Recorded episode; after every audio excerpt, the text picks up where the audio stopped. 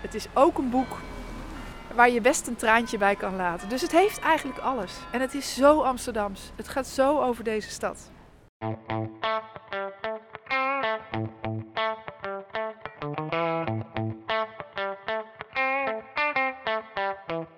Ik ben Mechtelt Jansen en ik hou ontzettend van literatuur en van Amsterdam. In deze podcast neem ik je mee naar bijzondere plekken in Amsterdam, uit de boeken of levens van Nederlandse schrijvers. Ga je mee? We staan hier op de Lelysluis, brug over de Prinsengracht, met een heel mooi uitzicht op de Westertoren. En uh, we staan hier omdat ik hier een stukje wil voorlezen uh, uit het boek Kees de Jonge van Theo Thijssen. Het gaat over uh, Kees die zijn gedachten hier over de Westertoren laat gaan. En niet alleen zijn gedachten, ook zijn fantasie. Daar stond de Westertoren. Ze zeiden dat hij altijd heen en weer zwiepte als het waaide. Als je daar in de hoogte zat, voelde je het, zeiden ze. Kees bleef even stilstaan. Ja, hij zag het duidelijk. De toren ging een beetje heen en weer. En hij stond al niet precies meer recht ook.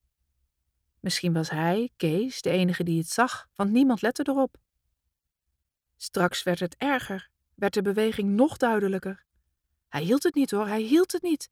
Daar had je duidelijk een knak, vlak onder de wijzerplaat. Hij ging, hij ging. Je hoorde nog niets, maar dadelijk kwam de slag als de stukken op de straten en de huizen en op de turfschepen in de gracht vielen. En een gegil steeg uit de stad op. Als hij straks de verschrikkelijke slag hoorde, dan zou hij erop afhollen om mee te helpen. Was hij zowat de eerste die erbij kwam. Kwamen onderweg de mensen verschrikt de huizen uit en riepen: Zeg, wat zou dat zijn? En hij, onder het voortrollen, riep terug: Begrijpen jullie dat niet? Er is een stuk van de Westertoren naar beneden gevallen. Afgeknapt. Als je nu kijkt naar de uh, Westertoren en dan vooral vlak onder de wijzerplaat, dan zie je dat daar inderdaad een knik zit en dat de toren een klein beetje naar rechts helt, vanuit hier gezien.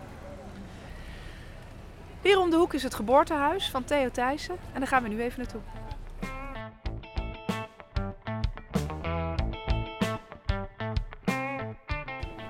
Zijn nu in de eerste Lely Dwarsstraat. Uh, we staan bij nummer 16. Uh, en uh, op nummer 16 zien we een gevelsteen boven de voordeur. Waarop staat dat in dit huis Theo Thijssen is geboren, de schrijver van Kees de Jonge. Dat is niet helemaal waar. Het is een beetje geschiedvervalsing. Um, weliswaar is Theo Thijssen geboren op de eerste Lely Dwarsstraat nummer 16. Alleen, dat was niet dit pand. Dit pand is namelijk afgebroken en herbouwd wel uh, op de manier waarop het uh, pand toen ook was. Dus in de oude stijl weer opnieuw opgebouwd. En dat komt door de Theo Thijssen Stichting. Die hebben enorm gelobbyd bij de gemeente dat, dat dit belangrijke plekje in de stad, dit uh, literaire erfgoed, niet aangetast moest worden. Dus dat dat in oude luister hersteld moest worden. Um, en daar is naar geluisterd. En uh, er is vanaf dat moment ook het Theo Thijssen Museum ingevestigd. Heel leuk museum vind ik, klein museum. Waar, uh, dat, of dat, dat drijft op vrijwilligers. En waar steeds wisselende exposities zijn, krijgen ze iedere keer weer voor elkaar om een andere invalshoek te bedenken. Uh, om weer een ander aspect van het leven en het werk van Theo Thijssen te belichten. Kun je iets zeggen over het karakter van deze straat? Ja, dit is echt de Jordaan. Dus het is een smal klein straatje met uh, oude pandjes aan weerszijden, winkelpandjes. Nu nog steeds winkelpandjes. En het leuke is dat we vanaf de plek waar wij staan ook uh, heel mooi uitzicht hebben op de Westertoren. Die voor Kees de Jonge heel belangrijk was. En voor Theo Thijssen zelf ook. Het bekendste werk van Theo Thijssen, Kees de Jonge, is een roman die nog steeds bij herlezing helemaal overeind blijft. Het is een prachtig, prachtig boek, vind ik. Over een jongen met een heel gewone jongen met best veel fantasie, die ervan droomt dat hij wat groter is dan dat. Um, het boek geeft een heel mooi inkijkje in het leven in de Jordaan, um, zo rond uh, 1890. Er zit heel veel humor in, die voortkomt uit het talent van Theo Thijssen om te begrijpen wat er omgaat in de geest van een opgroeiend kind. Um, maar het is ook aangrijpend. Het is ook een boek waar je best een traantje bij kan laten. Dus het heeft eigenlijk alles. En het is zo Amsterdams. Het gaat zo over deze stad. En waarom we op deze plek staan? Ehm, ik ben niet de enige die dat vindt, dat is wel duidelijk. Ehm, het boek is eh, uit 1923 en bijna een eeuw later uh, weet het nog zoveel mensen te, te boeien dat de stichting Theo Thijssen helemaal geen moeite heeft om vrijwilligers te vinden, bij mijn weten althans.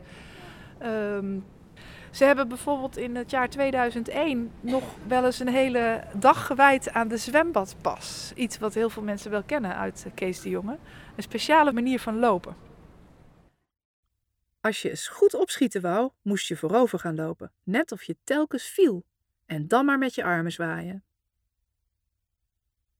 Voor Kees was de zwembadpas een geluk in het leven. Als hij soms een verre boodschap moest, en als hij als een onbeduidende jongen langs de grachten sukkelde, dan begon hij ineens aan de zwembadpas. En waarachtig, hij zag zich nagekeken door menig een. Nou, is een van de leukste activiteiten van de stichting, eh, de Theo Thijssen Stichting, is wel de dag van de zwembadpas. Dat was in 2001. Daarbij organiseerden ze wedstrijdjes zwembadpas lopen om het blok. Um, door kinderen ook. Kinderen gekleed in de, in de uh, kleding van die tijd. Um, maar wat ze ook hadden was een heel wetenschappelijk symposium over de vraag hoe nou precies die zwembadpas uitgevoerd moest worden. Want Theo Thijssen schrijft dat je flink met je armen moest zwaaien.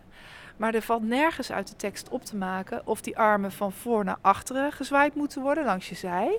Of van links naar rechts uh, voor je romp langs. En uh, uh, ja, er bestaan eigenlijk twee scholen in. Dus om die vraag op te lossen hebben ze sporthistorici en bewegingswetenschappers daar onderzoek naar laten doen. Die hebben dingen uitgerekend als luchtweerstand bij de verschillende manieren om hem uit te voeren. En uh, calorieverbruik en dan gaan ze maar door. En uh, uiteindelijk, uh, ja, aan het einde van de dag, was er wel een conclusie. Ik weet niet of ik die moet zeggen eigenlijk. Misschien wel niet. niet. Nou, ik vind dat dus fantastisch. Dat op die manier boeken nog hè, geëerd worden in, in zo'n stad. Literair stadsgidsen en vrijwilligers zijn niet de enigen die geïnspireerd worden door Theo Thijssen en Kees de Jonge. Uh, ook andere auteurs die laten zich daardoor uh, inspireren. En daar heb ik zo meteen een voorbeeld van.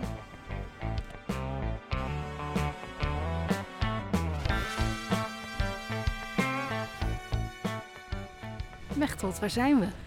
We staan hier in het Vondelpark.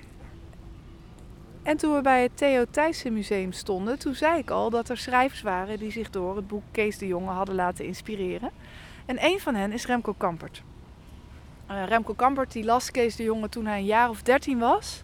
En uh, er zijn foto's van dat hij helemaal verdiept in het boek is. Eigenlijk alles om zich heen vergat en daar helemaal in opging. En uh, vele jaren later schreef Remco Kampert zelf Het leven is verrukkelijk. Dat zich bijna helemaal afspeelt in het Vondelpark waar we nu zijn. Um, en in dat boek staat voorin al dat er bepaalde elementen ontleend zijn um, aan Kees de Jonge. Er loopt namelijk in dat boek uh, een grijsaard rond in het park. Of verschillende grijsaarden, onder andere deze. Al pratende waren ze aan de rand van de vijver gaan zitten om naar de eenden te kijken. Panda zat in het midden op het korte gras. De zon scheen op het water, de eenden en de mensen die om de vijver heen zaten of lagen of stonden. Een van de grijsaards die zich rond de vijver ophield, viel met een plomp in het water. Hij had een eend willen pakken. Het gevogelte vluchtte alle kanten uit. De grijsaard klauterde tegen de kant op en legde zich lachend in het gras te drogen. De eenden kwamen weer teruggezwommen, klauterden tegen de kant op, gingen naast de nu van het lachen onmachtige grijsaard zitten en snavelden hun veren schoon. Dat boek, Het leven is verrukkelijk, beschrijft een, uh, een zonovergoten dag uit het leven van drie jongeren, Mees, Boelie en Panda, Panda meisje. Um, waarin zij uh, ja, een beetje lekker rondhangen in het Vondelpark en uh, uh, genieten van elkaar, van het leven.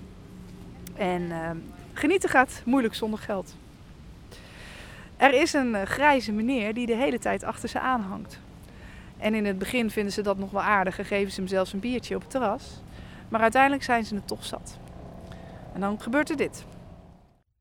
De jonge lui draaiden zich als bij stilzwijgende afspraak alle drie om en sloegen de grijsaard neer. Hij tuimelde lang uit op het zachte gras van de speelweide. Ach, Kijk, die oude man is lekker in het zonnetje liggen slapen, riep Panda uit. Ze knielde naast hem neer en met een geroutineerd gebaar tastte ze zijn zakken af. Lig je lekker, opa? vroeg ze. Voorbijgangers stonden stil en keken vertederd naar het aardige tafereeltje en wensten dat ze ook zo oud waren om zo door hun eigen kleindochtertje vertroeteld en geliefkoosd te worden. En wie weet wel geknepen op gevoelige plekken. Nou, ze vinden niks in de zakken van de grijsaard, maar ze vinden wel 200 gulden in zijn schoenen. En van dat geld geven ze diezelfde avond nog een groot feest. En de grijsaard die komt uiteindelijk weer een beetje tot zijn positieve en ehm, wordt door een ander personage uit het boek meegenomen naar zijn tante, tante Rosa. Die ehm, de retirade beheert, de plek waar je het openbaar toilet zeg maar.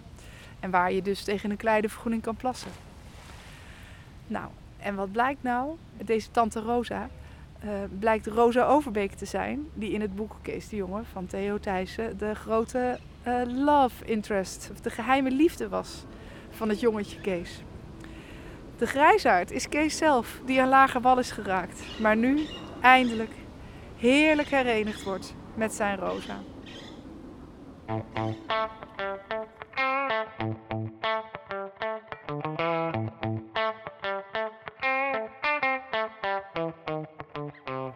Je luisterde naar Booklovers Podcast, een podcast over de stad, zijn schrijvers en hun boeken. De muziek was van Orbiters. Vind je deze podcast leuk en wil je meer horen? Abonneer je dan via je favoriete podcast-app en laat een review achter, zodat andere liefhebbers hem beter kunnen vinden. Vond je dit leuk en wil je het met eigen ogen zien? Wandel dan een keer met me mee. Kijk op www.boekloverstours.nl voor het programma ik ben Mechtel Jansen en ik maak deze podcast samen met Helen Jochems en Marielle van Tilburg.